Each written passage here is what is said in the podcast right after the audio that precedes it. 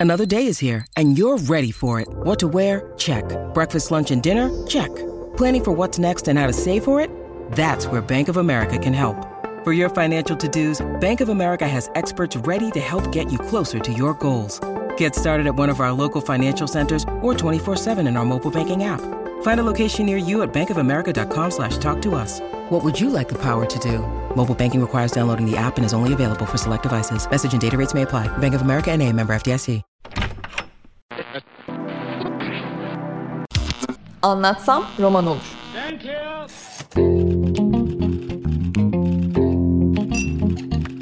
Bazı kültür sanat konuşmaları.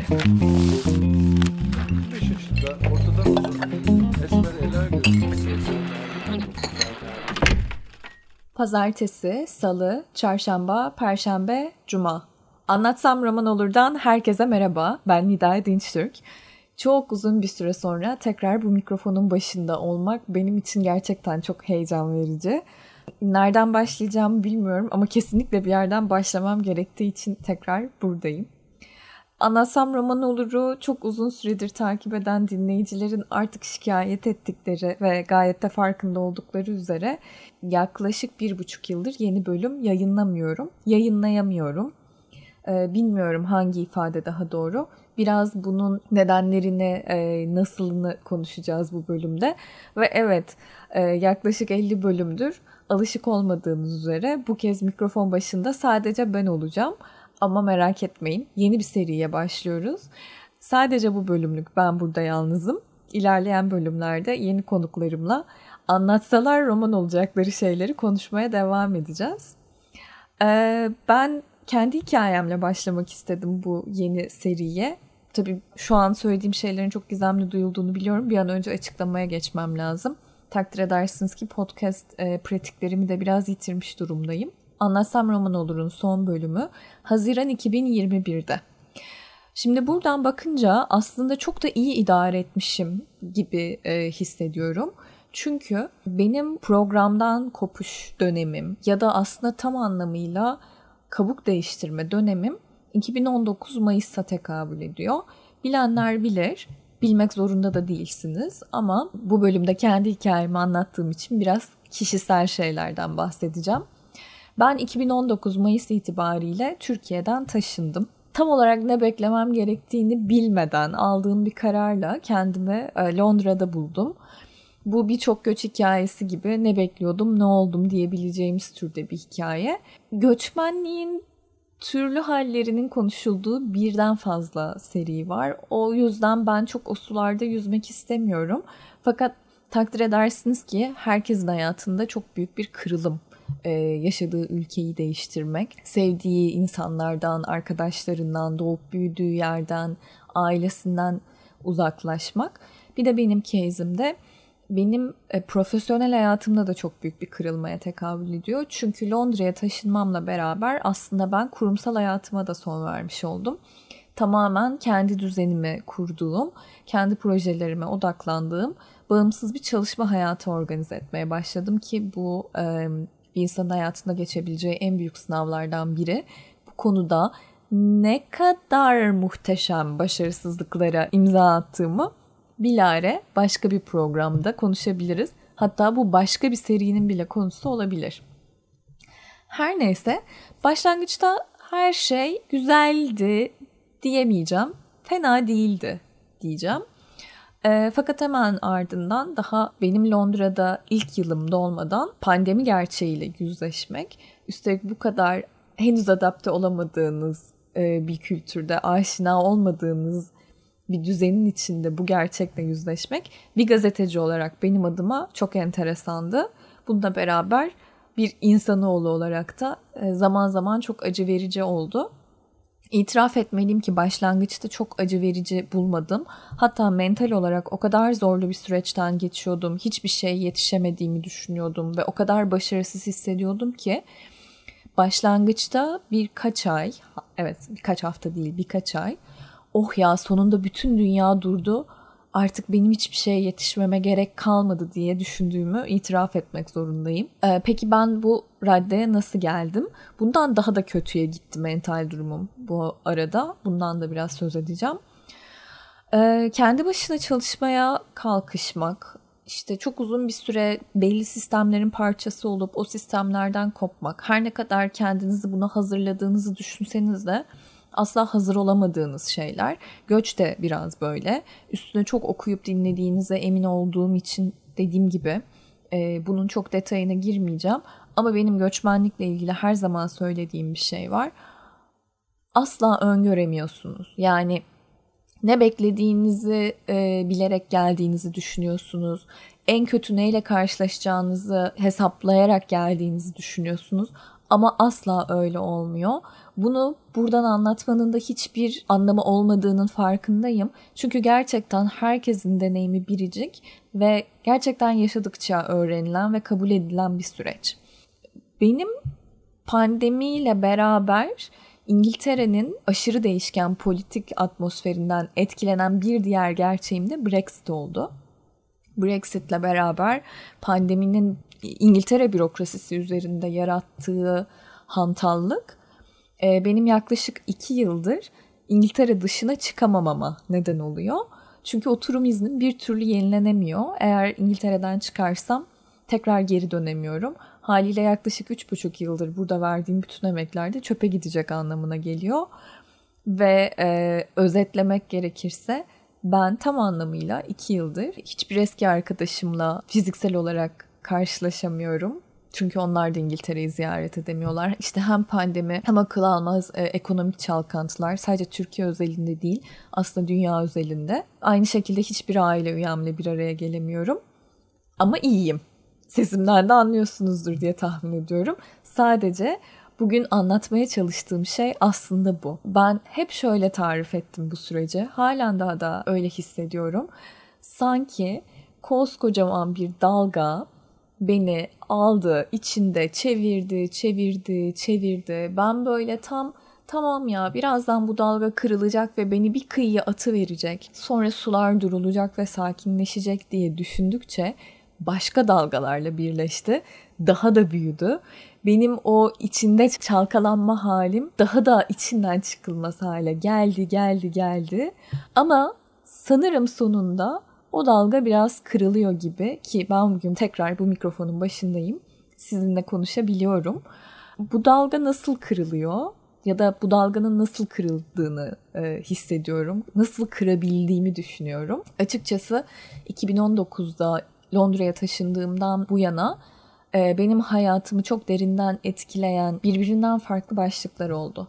Başlangıçta sadece Londra'ya taşınmanın beni iyileştireceğini düşünürken aslında kurmaya çalıştığım işle sağlıklı bir bağ kuramamamla fark ettim ki e, geride kalan 5 yılda uğradığım çok ağır mobbing bende neredeyse fiziksel ağrılara neden oluyor. Ve ben hayatının belli dönemlerinde 29 yaşına kadar hayatının belli dönemlerinde farklı gerekçelerle terapi almış biri olarak e, gene işin içinden çıkamadığımı hissettiğimde bir terapistin desteğine başvurmaya karar verdim. E, daha önce deneyimlemediğim bir ekolle, somatik deneyimlemeyle çalışarak aslında e, benim iş ilişkimi derinden etkilediğini fark ettiğim mobbingin etkilerini üstümden atmayı başardım. Çok enteresan bir deneyimdi. E, bilenler bilir. Biraz yeni bir ekol. Fakat benim aslında çok da uzun süre devam edemediğim, odaklanmakta zorlandığım bir deneyimdi maalesef. Ardından daha çok bu bürokrasi kriziyle beraber benim özelimde derinleşen duygu öz disiplin ve e, aslında duygu karmaşası gibi özetleyebilirim. Bir yandan ilişkimle ilgili yani sadece bir kişi için değil bir çift için de çok büyük bir sınav yurt dışına taşınmak. İlişkimle ilgili de çok büyük e, çalkantılar geçiriyorken efendime söyleyeyim ben çift terapisinden tutun da neredeyse her türlü ekolü deneyimlediğim iki yıllık bir sürecin ardından dalga geçerek söyle, söylüyorum gibi duyulsa da aslında dalga geçmiyorum. Bu çok enteresan bir deneyim. İki yılın ardından buradayım. Buradayım diyebiliyorum çünkü aslında beni bir buçuk yılın sonunda mikrofonun başına oturtan tam da yerine rast gelen bir işbirliği teklifiydi.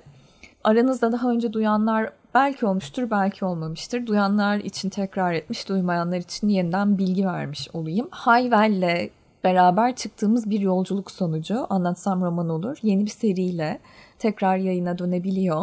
Hayvel nedir? Hayvel aslında psikoterapi almak isteyen kişilerle onlara en uygun klinik psikologları bir araya getiren bir online terapi platformu. Aynı zamanda bir aplikasyonu da var. Tahmin edeceğiniz gibi benim de geride kalan süreçteki tüm terapi deneyimlerim online gerçekleşti. Teknolojik nimetler sayesinde bunu gerçekleştirebildik. Çünkü aslında terapiyi ana dilinizde almanız çok önemli. E, Hayvel bünyesinde de farklı ekollerden 300'den fazla klinik psikolog var. Farklı ekollerden vurgusunun burada önemli olduğunu düşünüyorum. Çünkü gerçekten size iyi gelen yöntemi bulmak pek kolay olmuyor. Ben de benzer bir süreçten geçerek kendim için neyin doğru olduğunu, e, hangi ekolün, hangi yöntemin e, doğru olduğunu bulmaya çalışırken açıkçası biraz zorlandım. Bu arada da tahmin edeceğiniz gibi Hayvel'deki terapi seansları video görüşme olarak gerçekleşiyor. Burada kafanızı karıştırabilecek ya da sizi endişelendirebilecek şey bu video görüşmelerin kayıt altına alınıp alınmadığı. Bu benim için de çok önemli bir başlık. O yüzden çok büyük bir teminatla söyleyebilirim ki e, buradaki video görüşmeler hiçbir şekilde kayıt altına alınmıyor ve terapistiniz de sizin aranızda kalıyor. E, üçüncü kişiler tarafından asla bu görüşmeler görüntülenemiyor. Çünkü Hayvel özel bir teknoloji kullanıyor. Böylece de aslında buradaki bilgi güvenliğini sağlamış oluyor. Ay biraz sıkıcı duyulmaya başladım farkındayım. Pratik tarafından söz edip aslında Hayvel'le nasıl bu yola çıktığımızdan da birazcık e, bahsetmek istiyorum size. Pratik tarafı şu. Az önce de söylediğim gibi Hayvel bir web sitesi, aynı zamanda da bir mobil uygulama. Bugün birçok web sitesine üye olabildiğiniz gibi Hayvel'e de kolayca kayıt olabiliyorsunuz. Kayıt olurken cevapladığınız sorular doğrultusunda yaşadığınız sorunlara, terapiden beklentilerinize ve takviminize uygun olacak şekilde sistem sizi bir terapistle eşleştiriyor. Eşleştiğiniz klinik psikologla ücretsiz 15 dakikalık bir ön görüşme yapıyorsunuz. Böylece eşleştiğiniz terapistle gerçekten uyumlu olup olmadığınızı ölçmek için fırsatınız oluyor. Bu e, ön görüşmeden sonra seanslara başlamak ve yola o terapistle devam etmek kararına varana kadar da herhangi bir ücret ödemiyorsunuz. Bu arada hani e, sistemin bana atadığı terapistle uyum sağlamazsam, uyumlu hissetmezsem ne olacak diye düşünebilirsiniz. Hayvel bu anlamda size başlangıçta 3 farklı terapistle ön görüşme yapma fırsatı tanıyor. Aynı zamanda da aslında her ne kadar terapiler birebir de daha faydalı olduğu düşünülse de bizim gibi uzak mesafelerden bu tür desteklere ihtiyaç duyan kişiler için zaman ve mekan esnekliği de aslında online marifetlerle gelmiş oluyor. Hayvel de bunu bir platform olarak iyi sağlıyor. Bunu da söylemek gerek. Hayvel'le anlatsam roman olurun nasıl bir araya geldiğine dönecek olursam işte aslında hayattaki bazı anlamlı karşılaşmalar diye e, çok romantik bir bağ kurabilir miyim? Kurarım. Bazen yapıyorum böyle şeyler. Ama şakasız Gerçekten böyle. Çünkü anlatsam roman olura bir buçuk yıl gibi bir ara vermek benim planladığım bir şey değildi. Şimdiye kadar yaptığım her kaydı çok seviyorum. Çok severek kaydetmiş olsam da biraz yeniliğe ihtiyaç duyuyordum. Ve bir süredir de anlatsam roman olur sadece edebiyat söyleşilerinin haricinde aslında yani kültür ve sanattan anladığımız şeyin sadece kitaplarla ve sahne sanatlarıyla ya da müzikle sınırlı kalması beni birazcık incitiyordu. Benim anlatsam roman olur da konuşmak istediğim konular artık biraz daha bunların dışına çıkmaya başlamıştı. Bir yandan programın temelini sarsmadan o format çerçevesine oturtmak benim için çok kolay olmuyordu. Başlangıçta da bahsettiğim o mental çalkantılar arasında bir de buna kafa yormaya çalışmak benim için gerçekten çok acı vericiydi. Bu çalkantılar o kadar derindi ki yataktan çıkamadığım, e, banyo yapmayı reddettiğim, telefonları açmayı reddettiğim, mesajları yanıtlamaktan vazgeçtiğim, işimle ilgili çok büyük aksamalara neden olabilecek düzeyde e, sarkmalara sebebiyet veriyordu. E, maalesef anlatsam roman olurun akıbeti de bu karanlık dehlizde yok olup gitti bir süreliğine. Belirsizliğe gömüldü. E, fakat Hayvel bir buçuk yıldır sessizliğini koruyan bu programa dönüp ya biz bir şeyler yapabilir miyiz deyince benim kafamda anlatsam roman olur'a dair yeni ve parlak bir ışık yakmış oldu. Ya evet neden olmasın? Belki de bu işbirliği sayesinde birazcık kişilerin ve durumların psikolojilerini konuşmak için bir fırsat yaratabiliriz diye düşündüm. Ve aslında Hayvel'le işbirliğimiz, yolculuğumuz böyle başlamış oldu. Bunun arka planında ne var? Söylediğim gibi aslında geride kalan iki yılında öncesinde benim hayatımdaki farklı kırılma dönemlerinde edindiğim terapi deneyimleri var. Yani ilk galiba şuydu. 4 ya da 5 yaşındayken, 4 yaşında olmalıyım. Yaşadığım büyük bir ev kazası sonrası benim suratımın yarısı yandı. Biliyorum fotoğraflarımı gören insanlar şu an bu söylediğime şaşırıyorlar ya da estetik operasyon geçirdiğimi düşünüyorlar ama hayır. Çok başarılı bir doktorum vardı. Agop Katoyan. Gerçekten hayatımı kurtaran ve bugün fotoğraflarda hala özgüvenle gülümseyebilmemi sağlayan kişi o. Ancak ben o hale gelene kadar yaklaşık bir yıllık süreç boyunca ya bu öyle büyük bir kaza ki ben anaokuluna kaydolmama rağmen okula gidemedim. Ben direkt e, birinci sınıftan başladım ilkokula. Bu o kadar büyük bir kazaydı ki bir yıl boyunca benim evde tedavim devam ederken evdeki bütün aynalar ve camlar örtülüydü ki ben yansımamı görüp kendimden korkmayayım diye. Yani bu sırada bir çocuk olarak benim için keyifli dönemlerdi. Enteresan bir şekilde ben hiçbir şekilde fiziksel acı hatırlamıyorum. Belki de büyük bir şok etkisiyle zihnim bunu tamamen sildi. Biliyorsunuz zaten hayatımıza devam edebilmemiz için hafızamız çok kötü deneyimlerimizi siliyor. Bu yüzden bazen aynı hataları tekrar yapabiliyoruz. Bunu da bilare konuşuruz. Ama benim için hani iyi yanı şuydu. İşte sürekli evde yattığınızı, çizgi film izlediğinizi, herkesin etrafınızda pervane olduğunu, eve sürekli bir misafir sirkülasyonu olduğunu, size oyuncaklar, çikolatalar vesaire getirdiğinizi ve bunları yemenize de hiç kimsenin laf etmediğini düşünün. Tabii ben aslında biraz durumun vehametini o gelen misafirlerin suratlarından ya da gaflet edip yanlarında getirdikleri çocuklarının benden korkup kaçışlarından anlayabiliyordum. Nitekim e, Agop Katoya'nın muhteşem reçeteleriyle ben çok daha iyi hale geldiğimde yani artık evdeki aynaların ve camların üstündeki örtüler kalktığında benim annem, canım biricik annem, aşırı düşünceli, e, ince ruhlu annem. Yahu bu çocuk iyileşti, iyileşmesine de çok da ağır bir şey atlattı. Acaba bir de bir terapistle görüşmesi iyi olur mu? Bundan sonraki hayatında bunu bir travma olarak kaydetmez belki böylece gibi bir düşünceyle beni kolumdan tutup e, Suna Erdoğan Tanaltay çiftine götürdü. Sanırım Nişantaşı'ndaydı klinikleri çünkü çok net olarak hatırlıyorum ki Beşiktaş'tan eski usul taksi dolmuşlara biniyorduk. Gittiğimiz yer Nişantaşı olmalı. Şimdi kayıt ortasında da annemi arayıp bunu soramayacağım. Bu deneyim de benim için keyifliydi. Ne kadar sürdüğünü gerçekten hatırlamıyorum. Annemin demesine göre sadece birkaç seans sürmüş. Çünkü ben dünyanın en gamsız evladı olarak yaşananlardan hiç etkilenmemişim. Böyle işte terapilere gidip bana verdikleri çikolatalı gofretler ve tipi tip sakızlar yanıma kar kaldı. Bir de böyle tertemiz, hiç e, incinmemiş bir zihinle hayatıma devam ettim. Sonrasında 9 yaşında falan olmam lazım. 10, 10, 10 muyum acaba? Emin değilim. O civar bir şey. Çünkü annemle babam ben 9 yaşındayken boşandılar fakat bana bunu tebliğ edebilme cesaretine erişmeleri biraz zaman aldı. Biraz e, burada gerçekten doğru kelimeyi bulmakta çok zorlanıyorum. Biraz ne bir çocuk olabilirim annemle babamın bana bunu söylemesine korkmam için. Hadi hassas diyelim. Hadi hassas diyelim. Biraz hassas bir çocuk olduğum için annemle babam e, benden bu gerçeği yaklaşık bir yıl kadar sakladılar. Bana bunu söyledikten sonra da gene işini bilen annem e, belki de bana bunu söylemeden önce bu randevuyu almıştı bilmiyorum şimdi. Beni Yankı Yazgan'a götürdü. Ya bir yandan bu, bu, bu hikayeyi böyle anlatmak bana çok tatlı geliyor. Yani çünkü annemin hani bu hayatın akışında e, beni korumaya çalışması ve böyle her defasında da biraz önden önlem almaya çalışması falan aşırı hoşuma gidiyor şimdi bunu anlatırken. Fakat tabii erken ergenlik dönemi olarak tarif edebileceğim 10-11 yaş belki de 9 benim de hiçbir fikrim yok. Kişisel tarihime dair gerçekten ne kadar bilgisizim. E, çok büyük bir direnişle gittim Yankı Yazgan'a. Marmara Üniversitesi'ndeydi o zaman ve odaya girdiğimde kendimi Yankı Bey'in yanı sıra birkaç öğrencinin ortasında böyle büyük bir çemberin ortasında buldum. Zaten çok utangaç bir çocuktum. Herhalde de terapi süresi bir saat falandı.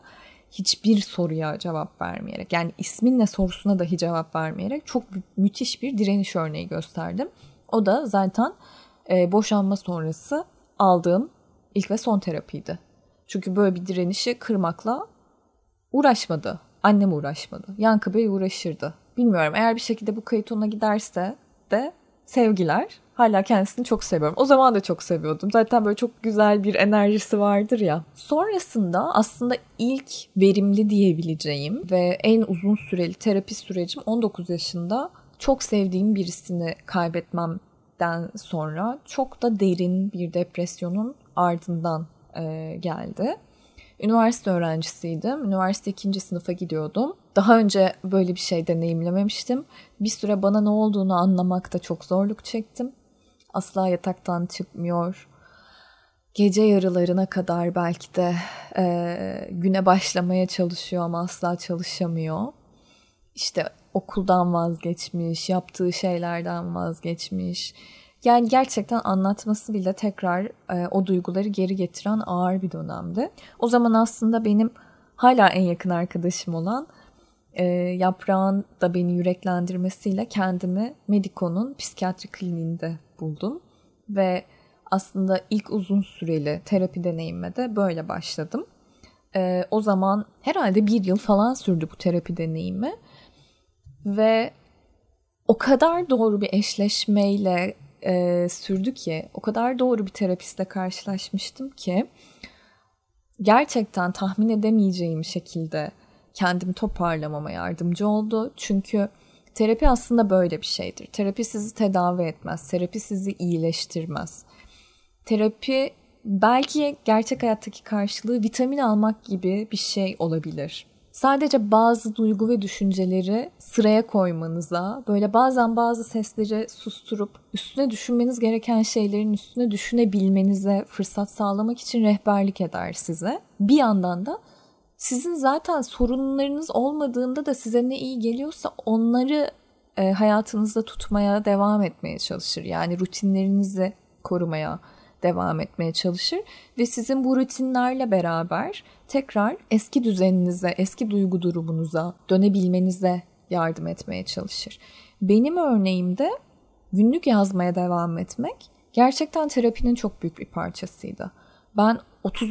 defterimi falan yazıyorum şu an. Hatırladığım kadarıyla 8 yaşımdan beri günlük yazabilmek için çaba sarf ediyorum. Ha, hiç değilse son 10 yıldır çok düzenli olarak günlük yazıyorum. Ama tabii böyle şey değil. Sevgili günlük. Bugün Ayşe ile okula gittik gibi değil. Allah'ım böyle de günlük yazanları aşağıladım. Çok özür diliyorum. Öyle yazmak sizi mutlu ediyorsa öyle de yazabilirsiniz. Sadece benimki biraz daha kendini dinlemek, kendinle yüzleşmek, kendinle hesaplaşmak gibi bir ritüel. Belki son bir buçuk iki yılda e, iyice böyle morning pages olarak e, ayyuka çıkan versiyonda yaptığımı söyleyebilirim ama öyle sabah kalkıp hiçbir şey izlemeden dinlemeden oturup bir şeyler yazıyor değilim. Benim örneğimde işe başlamadan önce sanki çalışma masasını toplamak gibi kafamı toplamaya yardım ediyor. Önce bir duygu düşüncelerimi filtreden geçiriyorum, onları bir döküyorum. Aslına bakarsanız sonrasında geriye dönüp bu notları okumak da kendinize hayret etmenize ya da yolculuğunuzda kendi kendinize destek olmaya çok yarıyor. Bazen çok acı verici de olabiliyor. Günlük meselesi de gene başka bir programın konusu. Çok dağıttım. Allah kahretsin çok dağıttım. Topluyorum. Benim 19 yaşında başladığım ve yaklaşık bir yıl süren terapi sürecim gerçekten sonraki 10 yıl boyunca benim hayatımı o kadar kolaylaştırdı ki inanamıyorum buna. Hala inanamıyorum. Ve bir yandan da çok takdir ediyorum ve bu hikayeyi de olabildiğince fazla insana anlatıp aslında terapi almaları yönünde onları yüreklendirmeye çalışıyorum.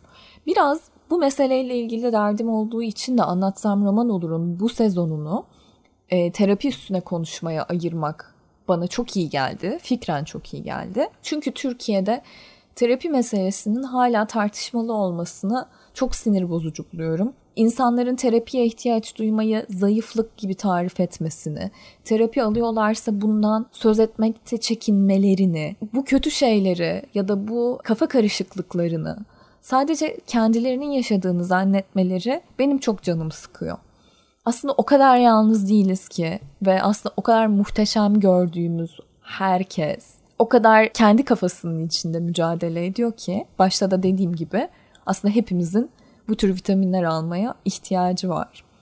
Tam da bu sebepten Hayvel'le bir araya gelmişken aslında ben bu seride insanların kendilerini yalnız hissetmemelerine belki yardım edebilirim diye düşündüm. Bu yüzden kendi hikayemi anlatarak başladım ve ilerleyen bölümlerde yazarlık psikolojisi, oyunculuk psikolojisi, influencerlık, annelik, girişimcilik ya da işte aklınıza gelebilecek birbirinden farklı başlıklarda bu alanlarda öne çıkmış kişilerle bir araya gelip hem bu durumların psikolojisini konuşmaya çalışacağız hem onların terapiyle ilgili görüşlerini, düşüncelerini, deneyimlerini konuşmaya çalışacağız. Bununla beraber aslında bu sohbetlere sizin de katılabilmenizi çok istiyorum. Çünkü biliyorum 2018'den beri sadece Türkiye'den değil dünyanın dört bir yanından benim sesime kulak veriyorsunuz. Benim ve konuklarımın sesime, sesine kulak veriyorsunuz. Benim de artık sizin sesinizi duymaya çok ihtiyacım var. Özellikle terapiye ve durumların, kişilerin psikolojisini konuşacağımız bu seride. Biliyorsunuz ama ben bir kere daha tekrar etmiş olayım. Bana Anlatsam Roman Olur Mediapod Instagram hesabından kolaylıkla ulaşabilirsiniz. Lütfen terapi meselesiyle ilgili merak ettiğiniz ya da yani daha bu konu hiç konuşulmuyor ve buna benim aşırı canım sıkılıyor dediğiniz konu başlıklarını ya da şu meselenin psikolojisi konuşulsa keşke dediğiniz, merak ettiğiniz her şeyi lütfen lütfen yazın. Ben de konuklarımla bu başlıklar üstüne konuşmaya çalışırım ee, ve bundan çok büyük keyif alırım. Hatta belki konu ve başlık önerileriniz bile olabilir, konuk önerileriniz bile olabilir. Bunların üstünde düşünmek ve elimden geleni yapmak beni hayli hayli mutlu eder. Böylece bir buçuk yılın ardından Anlatsam Roman Olur'un dördüncü sezonunun ilk bölümünü tek başıma bitirmiş oluyorum.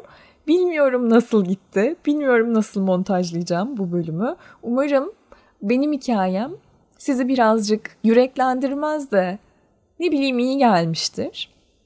Ee, umarım hikayelerimiz böyle dünyanın bir yerlerinde karşılaşıyordur, örtüşüyordur. Bir süre daha burada olmaya devam edeceğim. Dediğim gibi lütfen bana yazın, sesime ses verin.